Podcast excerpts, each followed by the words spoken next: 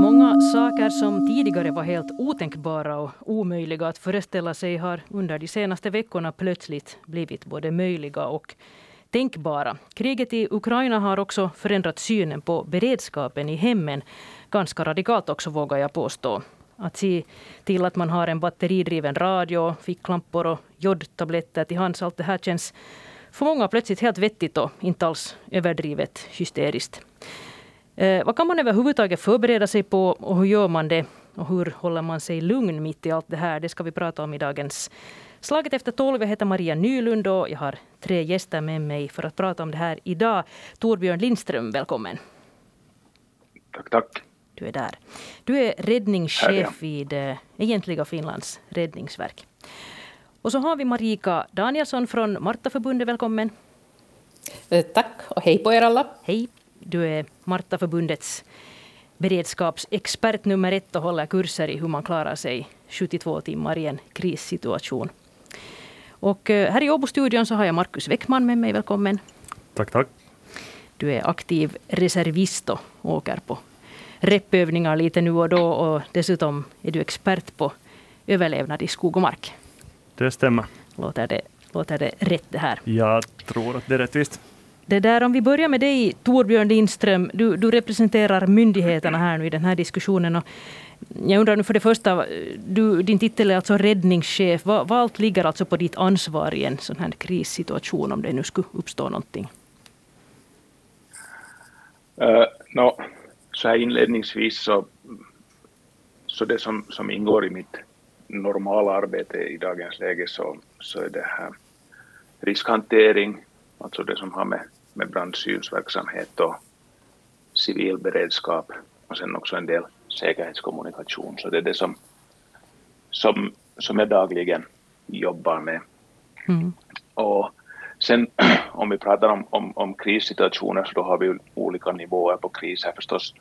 Uh, vid mindre olyckor eller också vid, vid större olyckor så, så då kan jag åka ut som, som räddningsledare till, till, till olycksplatserna.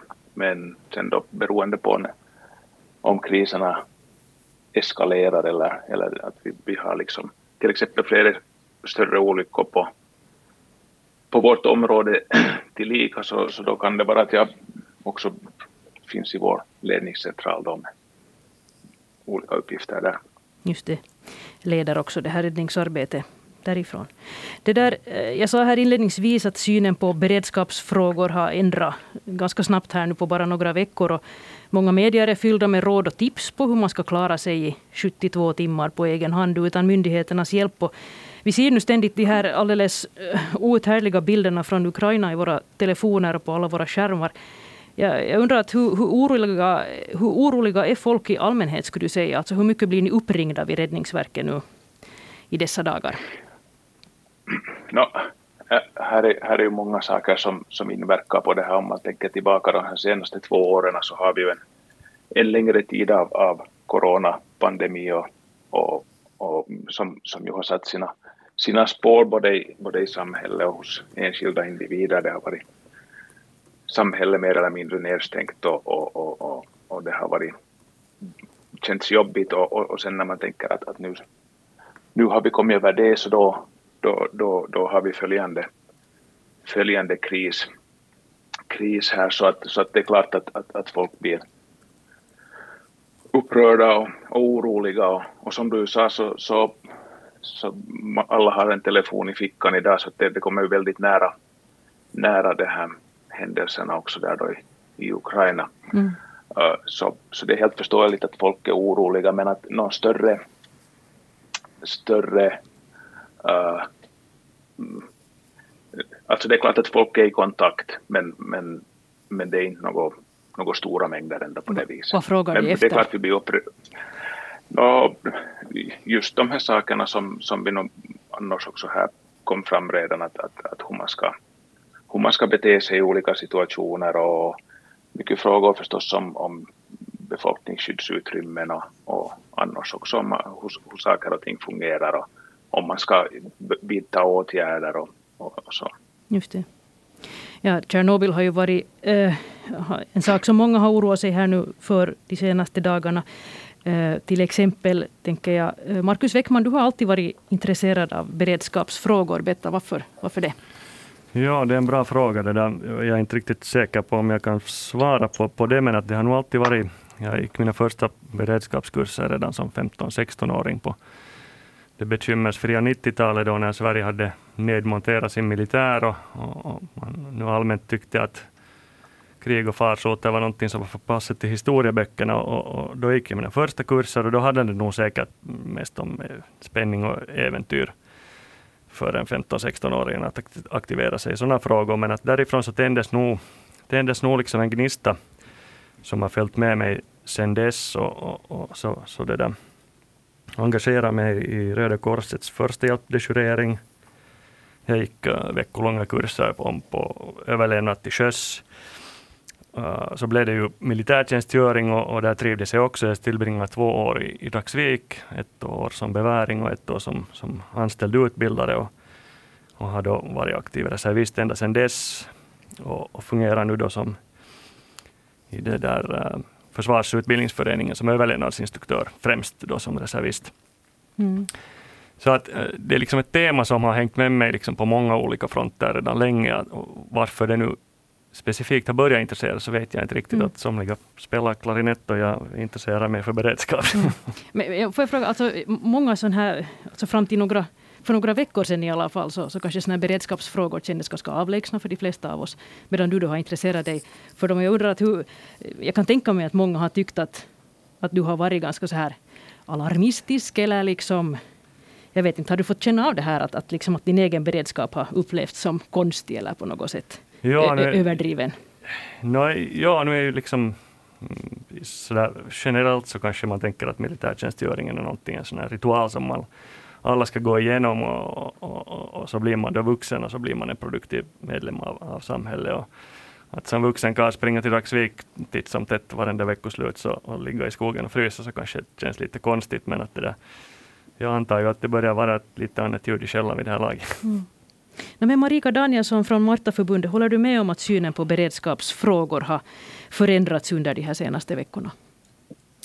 Absolut. Vi hade som fokusområde eh, 2020 i Martaförbundet att höja vardagsberedskapen och det här kom in i, i vår verksamhetsplan helt eh, efter eh, SPEC, räddningsbranschens centralorganisation i Finland, hade gjort en undersökning om att vardagsberedskapen, speciellt i städer, höll på att sjunka.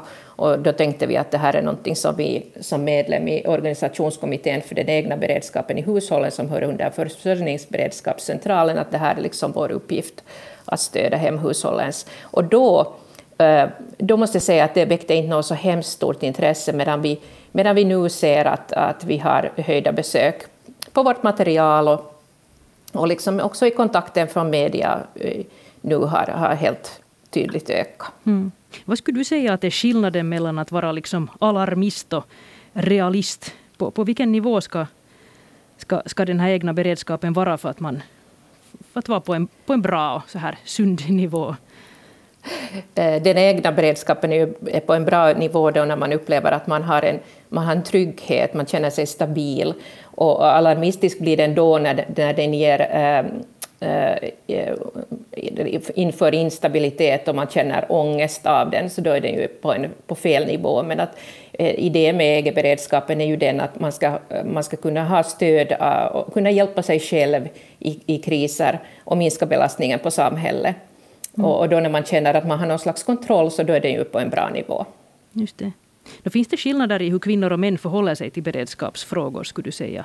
Det var en kollega här till mig som konstaterade att att män som har gått just, gjort sin värnplikt så, så kanske har det här i ryggmärgen på ett annat sätt än, än kvinnor som kanske aldrig har tänkt i de här banorna? Eh, jag skulle, jag skulle mera kanske säga att det här är nog eh, mera fast i vad man själv har upplevt och, och var man bor och hur man bor. Eh, jag menar, har du varit med om ett längre strömavbrott så har du ju helt en annan inställning till vardagsberedskapen än, än om du aldrig har upplevt den. Och, och, och, var du bor och hur du bor har ju, påverkar ju också att, eh, hur du ställer dig till. Om du alltid bor i en stadsmiljö, du är van med att alla bensinstationer och, och snabbmatskedjor är alltid öppna, så, så har du ju inte den där tanken på att du ska vara förberedd på någonting. Men om du bor på landet och du är van med strömavbrott och du har kanske en, en jordkällare, du annars också tar tillvara mm, eh, mat, så, så då, är, då har du ju helt annan, andra förutsättningar att, att klara det. Jag, jag skulle inte skriva under det här att det här är någon könsfråga, det här är kanske mera just den här var och hur du bor. Stad och landsbygd, kanske. Mm. Mm. Ja, och, en, och kanske generationsgrej också. Just det. No, men för att kunna förbereda sig och ha en god beredskap så borde man eh, kanske veta vilket hotet är. Alltså man förbereder sig väl på olika sätt beroende på vilken hotbilden då kan tänkas vara. Och jag undrar, Torbjörn Lindström, att vilka är de där konkreta hotbilderna nu som man borde vara förberedd på? Vad, vad finns det liksom för tankar kring det? No, kanske inlednings eller kan, kan först säga det att, att, att något yttre hot mot Finland så, så, så finns ju inte nu som, som presidenten också just sa. Så att det, det är nog de här normala hotbilderna som vi, som vi brukar prata om som störningar i, i, i normalförhållande. Vi pratar om störningar i ström, energiförsörjning. Eh, vi pratar om att ha vatten på fel plats, alltså vi har antingen för mycket översvämningar, alltså sådana här olika naturfenomen som, som, som kan, kan leda till, till störningar. Så det är ju, det är ju de som vi, som vi har pratat om hittills också eh, under, under långa tider. Så det, det är de här samma, samma sakerna som man nu också ska vara förberedd på. Mm. Vad tänker du Markus Weckman att man borde vara förberedd på? No, det där, nu är det ju andra, andra det där, som, får, som, som jobbar med det här dagligen som får ta ställning till, till vilka, vilka hotbilder som, som, som liksom är verkliga. Men att inte för så hemskt länge sedan så sa ju Utrikespolitiska institutets chef Mika Aaltola att, att vi borde omedelbart påbörja förberedelserna för att underlätta en eventuell mobilisering. Och det här är ju en ganska liksom ett starkt uttalande. Det här ska ju inte nu tolkas som att han, han konstaterar att, att Finland kommer att vara i krig om no, några år, utan det handlar ju, handlar ju kanske om det att, att kostnaderna för att ignorera en sån risk skulle vara så otroligt höga. Och, och där tror jag nog att, att vi skulle ha mycket att, mycket att där, jobba på på den fronten. Att, att liksom, hotbilderna kanske nog, tycker jag, i dagens läge liksom ser lite an, annorlunda ut än, än vad man kanske tidigare hade så att säga, förberett sig på att skapa, skapa säkerhetsplaner för. Mm. Vad tycker ni vid Martaförbundet att man borde liksom tänka sig? Vad, vad är det man ska förbereda sig på? Uh, vi talar nog helt så som uh, här tidigare också kom fram, för de här normala störningar i vardagen. Själv var jag här för inom loppet av två veckor utsatt både för elavbrott och eh, störningar i vattendistributionen. Så här, helt i ett vanligt lugnt samhälls, samhällssituation, så kan man också ha behov av en 72 timmars beredskapen. Eh, det som jag tycker själv skulle vara jätteviktigt, att man skulle komma från, från tanke till handling. Att fast man då vet att det skulle vara viktigt att ha vatten i förrådet, att man skulle också se till att man har det där vattnet där i förrådet. Eh, sen skulle jag själv eh, lyfta upp cybersäkerheten, cyberhoten, disinformationen som någonting som, som vi ska bli bättre på. Mm, just det, det är kanske eh, inte direkt det man tänker på, cyberhot, när, när, när man talar om det här 72 timmar, utan då handlar det kanske om gryn och, havregryn och, och liksom batterier i radion och, och vatten. Varför ska man klara varför ska man för övrigt kunna klara sig just 72 timmar under, utan myndigheternas hjälpinsatser, eh, Marika Danielsson? No, det här är ju ett helt minimum. Man får ju gärna klara sig fast en månad. Eh, men att det här är ju det för att man ska kunna hjälpa sig själv, för, för att man inte ska belasta samhället. Det är ju helt ohållbart om vi alla skulle börja ringa 112 eh, efter en tid att vi märker att vi inte får vatten, utan det här är ju för att stödja, stödja samhället och stödja Räddningsverket och, och räddningspersonalen överhuvudtaget så att de kan koncentrera sig på de som är på riktigt i nöd. Och, och, eh, tanken är ju också den att om vi har vår egen beredskap i skick så då har vi också kapacitet att hjälpa andra där i vår närmiljö eller inom vår egen familj eller släkt. Mm. Nå, berätta nu, vad är er uppfattning? Hur väl förberedda är människor idag på, på krissituationer? Eh, vad skulle du säga, Torbjörn Lindström? no, det, det nämndes ju den här, den här undersökningen här som, som, som eh, SPEC, alltså räddningscentral, äh, eh, räddningsbranschens centralorganisation har gjort och, och här var det väl under hälften av, av respondenterna som, som ansåg att deras beredskapsnivå är, är, är ganska eller mycket god, tror jag det var. Så att det som man är, man är väl förberedd nog om man upplever att man är förberedd på, på sådana här, ska vi säga vardagliga olyckor på, på eldsvådor och, och, andra olyckor i hemmet. Men sen, sen när vi pratar om, om, om de här lite större olyckorna då som, som, som kan ske, eller ska vi säga störningarna som, som, som drar längre ut på tiden, så då, då det här så, så, så, så känner man att man inte kanske är lika bra förberedd på dem. Mm. Vad säger du, Markus Weckman, vad är din uppfattning?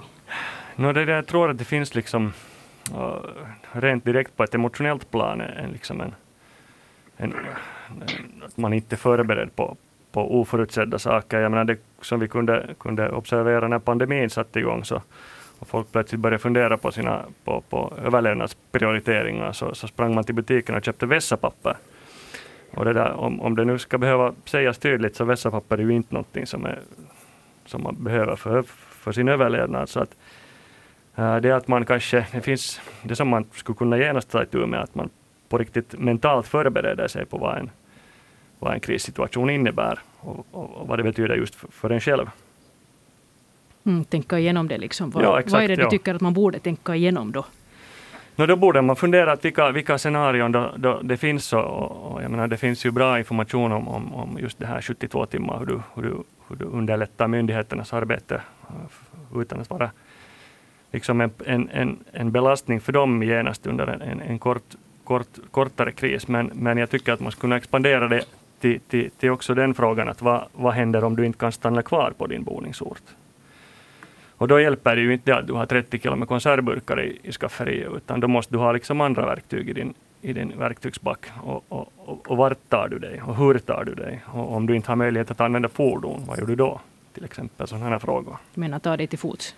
Till exempel, det är ju jag menar, sådana scener som, som vi dagligen får se, se i Ukraina, där, där folk tvingas, tvingas helt enkelt. Nu är det, nu är det liksom inte en nödvändigtvis ett, ett, ett, realistiskt scenario i Finland just nu, men, men, men där ser man folk med plastpåsar och, och promenadskor som försöker ta sig över floder där broarna har raserats och så vidare. Så, att, så att jag tycker att man skulle kunna lite expandera den här tankegången om att, att det är bara hemmet som är säkert.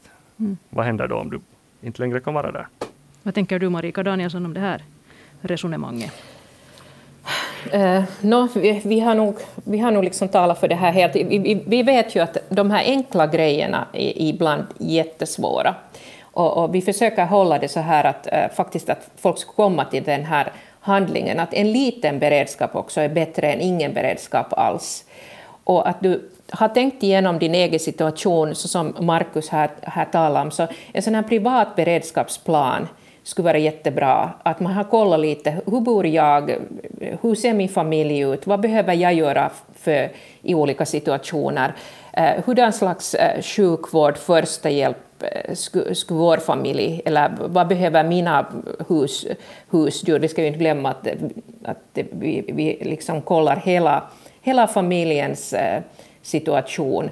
Eh, Sen om man är intresserad så det är ju inte fel liksom att, att studera mer och ta in, men, att, men vi vet med, med, eftersom vi har det, vi, vi ger ju rådgivning i ekologi, ekonomi och hushåll, så vi vet att folk kämpar med de här helt basgrejerna dagligen och, och vi försöker liksom att äh, gör åtminstone det här, kom till handling åtminstone i det här. Vi ja, försöker hålla det på den här nivån. Vad, vad skulle du säga då, att, vad, var är de här största bristerna och vad är det här, det här som du säger att kom, liksom, handla åtminstone kring de här sakerna, så vad, vad är det för för grejer? No, no, nu, nu är det ju liksom det här att, att man ser till att man har av det där vattnet där hemma. Man har någon slags mat som man kan äta utan el, att man har kontanter, att, att man har kanske då... Ofta, ofta får jag så här när jag har haft föreläsningar att ja, men det, det är ju väldigt enkelt att jag hoppar i bilen och så kör jag till landet, där funkar ju allt, men, men hur är det sen om inte, om inte du har bilen laddad eller du har inte bränsle i tanken eller du får inte flytta dig från, från din... Du måste ju klara dig där på stället som du är. Att det, här, här, det här försöker vi liksom stödja, det här att man, man kan inte bara tänka att ja, jag far till landet, där, är så, där funkar allt och där är allting så enkelt, utan man måste kanske, kanske just tänka att på det stället där, där jag bor just nu, vad kan jag göra då? Mm. Vad tänker du Torbjörn Lindström om det här? Att vad är liksom det här minimumet som du ska se till att ha i skick? No, det är nog de sakerna som, som, som kom upp här, här tidigare och som, som just ingår i det här 72 timmar konceptet och, och det som jag tyckte som sades bra här just så, så det är just den här, den här egna beredskapsplanen. Att, att, man, att man tänker över, över just den där egna situationen och, och, och det här. Och, och, och just att, att, att vad gör jag och, och, och sen kan man ju tänka då de här olika scenarierna sen då med, med vi pratar elavbrott eller störningar i vattenförsörjning eller just det där också dit man kan man kanske inte kan gå till, till affären eller man kan inte åka till stugan eller sådana saker så, så det är just, just sådana saker som, som vi nog också här på från vår sida anser som viktiga. Vad tänker du Markus Weckman, har du någon sån konkret grej som det här som du nu kommer att tänka på att, mm, ja, det där man som, borde som, ha i skick? No, som, som, som överlevnadsutbildare så är ju liksom det centrala i, i krissituationen det är att du, du, du har kunskap. Det hjälper ju inte att du har du har tittat på en lista över vad du behöver och så har du gått till butiken och köpt det här och satt det i skafferiet och sen har du inte ägnat dig en tanke överhuvudtaget utan att du ska ju faktiskt i en krissituation där stressnivåerna börjar öka och, vår kognitiva förmåga annars också kanske inte riktigt på sin topp, att du på riktigt vet vad du ska göra med den här utrustningen. Att, att, att har du plötsligt köpt sommargas till ditt gaskök som fungerar när temperaturen ligger kring plus 10 till plus 15 och plötsligt är det midvinter och minus 25 och vad, sen brinner inte gasen, vad gör du då? Att det att man bara är liksom förberedd med utrustning så, så det, det är en bra bit på vägen men men, men det där öva, att använda den där utrustningen, bekanta dig med den utrustningen så att det liksom inte, det inte i sig blir en, en, en belastning att, att, att börja ta det här, allt, de här, eh, allt, allt i bruk. Och, och sen, så, sen så är ju fysisk, fysisk uh, att vara i gott fysiskt skick, det är ju, det är ju någonting som är väldigt viktigt i alla, alla sorters, alla sorters det där undantagstillstånd. För att överlevnad handlar i, slut, i slutändan om att, om att kunna anpassa sig till en ny situation. Och där, där hjälper ju definitivt det att man är i sån kondition att man kan gå fem kilometer till butiken eller till grannen som har en generator eller något sånt. Mm, just det. No, det här börjar ju handla redan om, om, om sådana saker som jag nu gissar att, att väldigt få människor liksom tänker på, också när det gäller att hålla den här så att säga, utrustningen i skick, eller det här beredskapsförrådet, det ska också underhållas, eller hur? Marika Danielsson, ganska aktivt helst? No, jo, vi, jo, vi kanske nu inte eh, gärna skulle tala om ett skilt beredskapsförråd. Vi försöker liksom tänka som så här att man har, eh, man har av de här produkterna, man försöker ha sådana produkter som man nu annars också använder och sen se till att man eh, är, använder och ersätter dem så att det, det liksom, de är tillräckligt färska.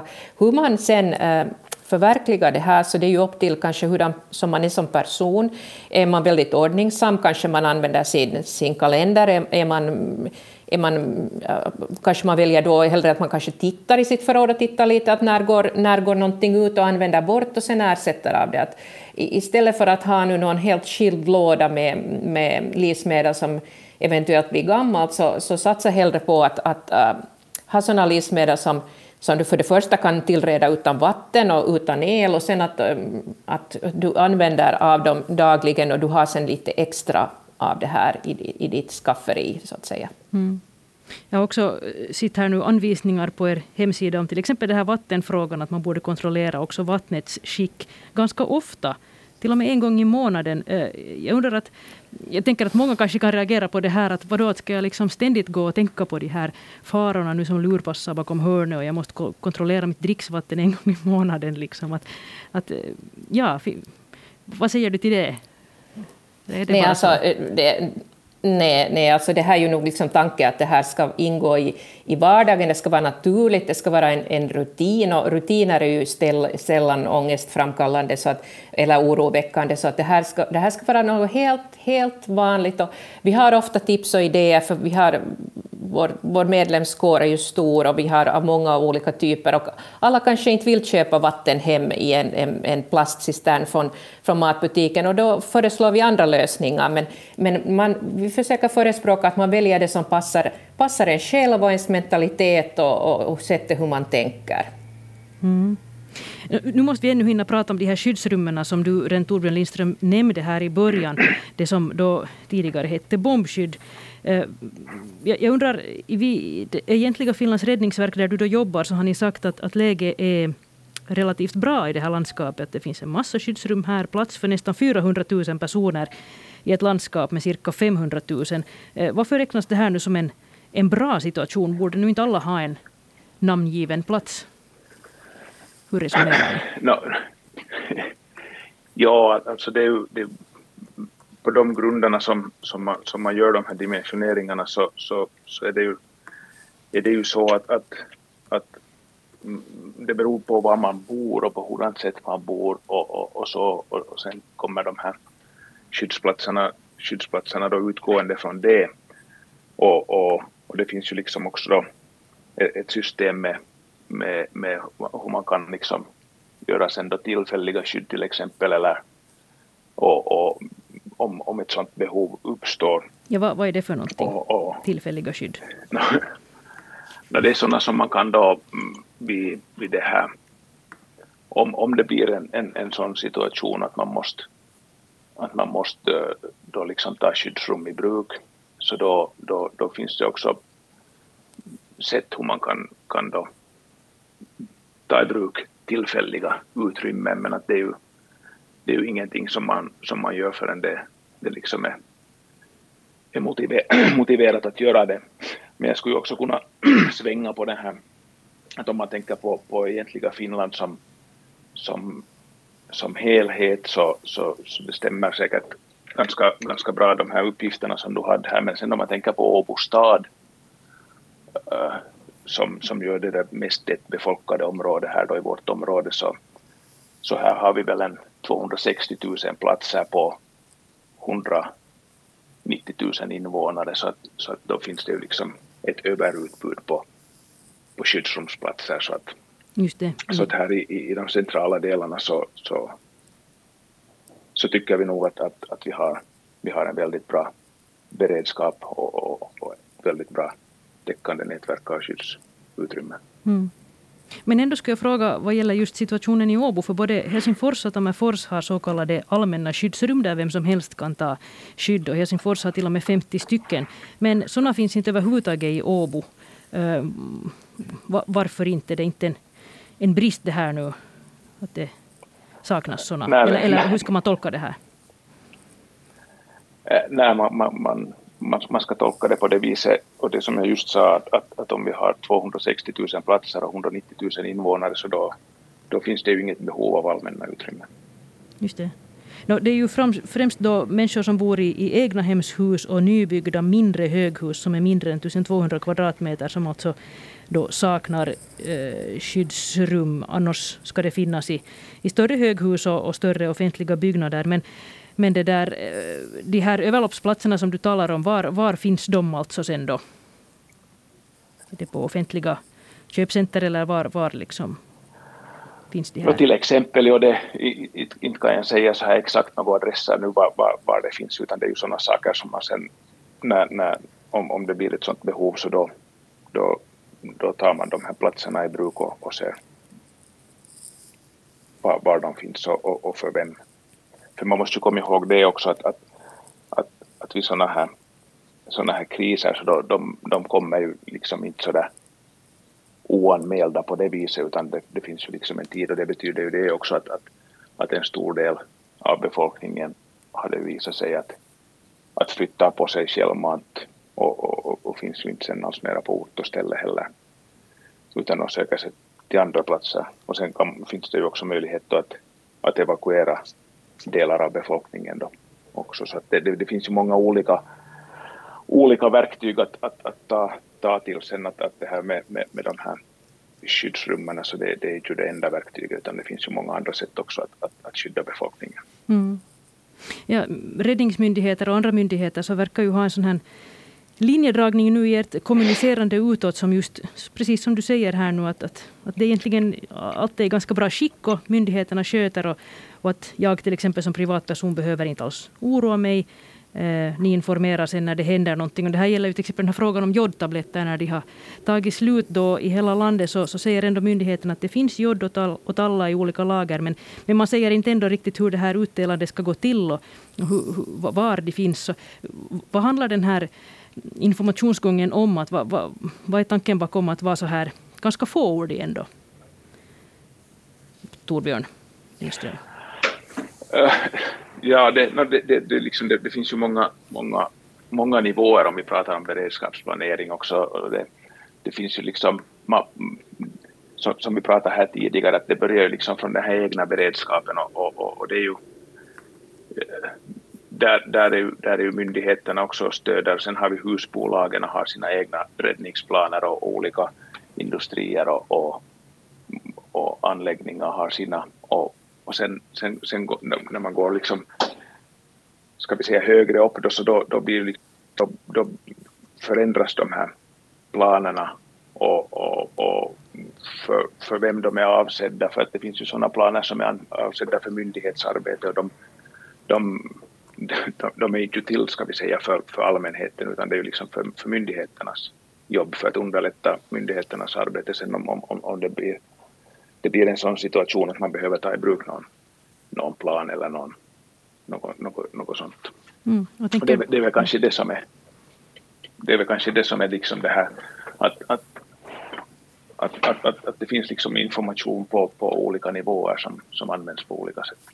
Ja, jag tänker bara att folk nu som sitter med sina skärmar i händerna så kan ju vara lite oroliga och skulle vilja liksom veta mera eh, ja, detaljer om hur det här sen ska gå till ifall det skulle behövas. Vad tänker du Markus Weckman om, om det här informationen som man nu får som privatperson här?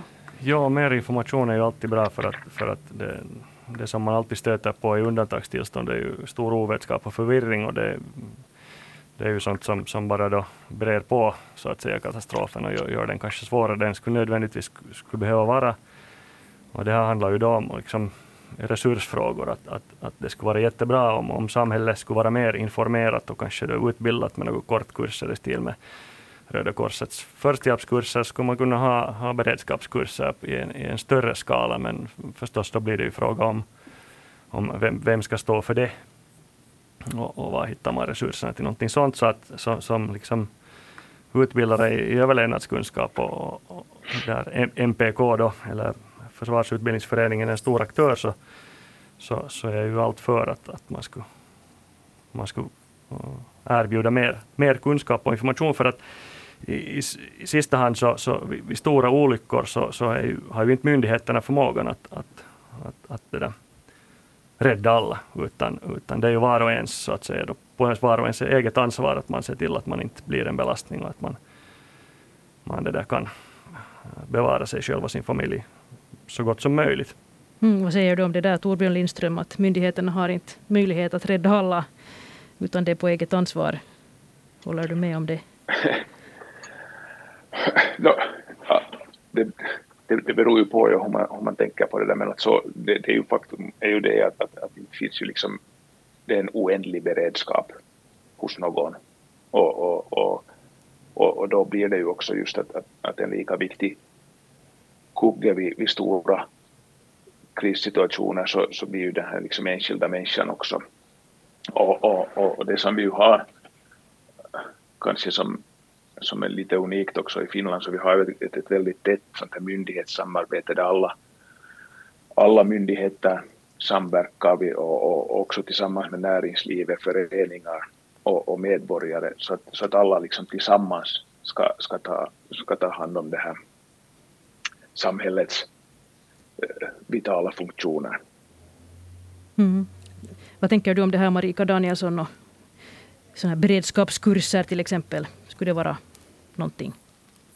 Uh, ja, och det är ju det som vi, det som vi gör. Vi, vi, vi som Martaförbundet som delar kunskap om 72 timmars beredskap, vi håller kurser, vi uppmuntrar Martaföreningar att ha möten runt det här och sen hoppas vi ju som vanligt att Martorna sprider sen vidare den här kunskapen till sin närmiljö. Mm. Det här som Markus var inne på, att, att, att, när det sker någon större kris eller det händer någon olycka så, så uppstår det ofta liksom en massa förvirring och, och, och desinformation som, som liksom ja, florerar på sociala medier framför allt. Och, och det, där, det har vi sett flera gånger. Uh, så, så det, det, är ju det här att kunna hålla sig lugn förstås också en del av den här egna uh, beredskapen. Vad tänker ni om det? Hur, hur kan man, Marika Danielsson, förbereda sig på, på att hålla sig lugn och, och liksom sansad? No, eh, här lyfter ju Markus redan tidigare upp det här att man, man övar och man tänker igenom situationer. Sen är det ju viktigt också att man sover, motionerar, eh, man håller fast vid sina rutiner eh, och man diskuterar när, när man känner vid krissituationer att man har en öppen kommunikation. Mm. Det här är ju helt sådana grundgrejer som, som hjälper att, att eh, få liksom en stabil, eh, lite mark under fötterna.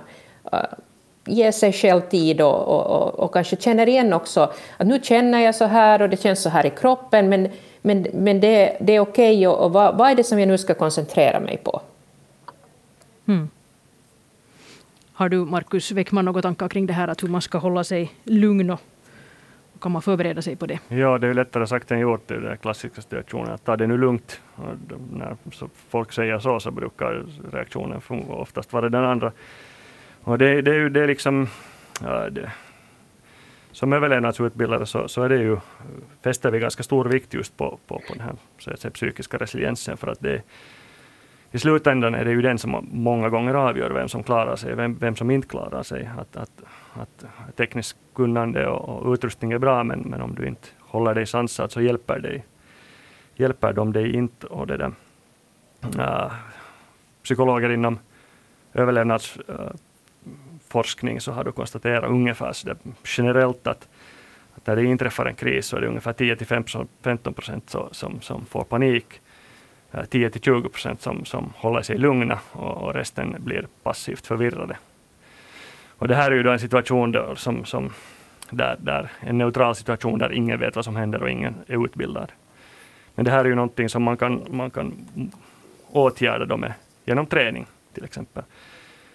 Och, och, ett sätt att träna sig för sin psykiska resiliens är till exempel då att göra sånt som, som, som, som man sätter sig utanför sin komfortzon helt enkelt. Och, och friluftsliv är ju jättebra exempel på, på, på, en, på en ganska trevligt sätt att göra det. Att när man, kan, man, man, man går ut och sover i skogen och det är kallt och vått och så gör man det tillräckligt många gånger så är det plötsligt inte mer kallt och vått utan, utan man, kan, man kan njuta av den här nya situationen.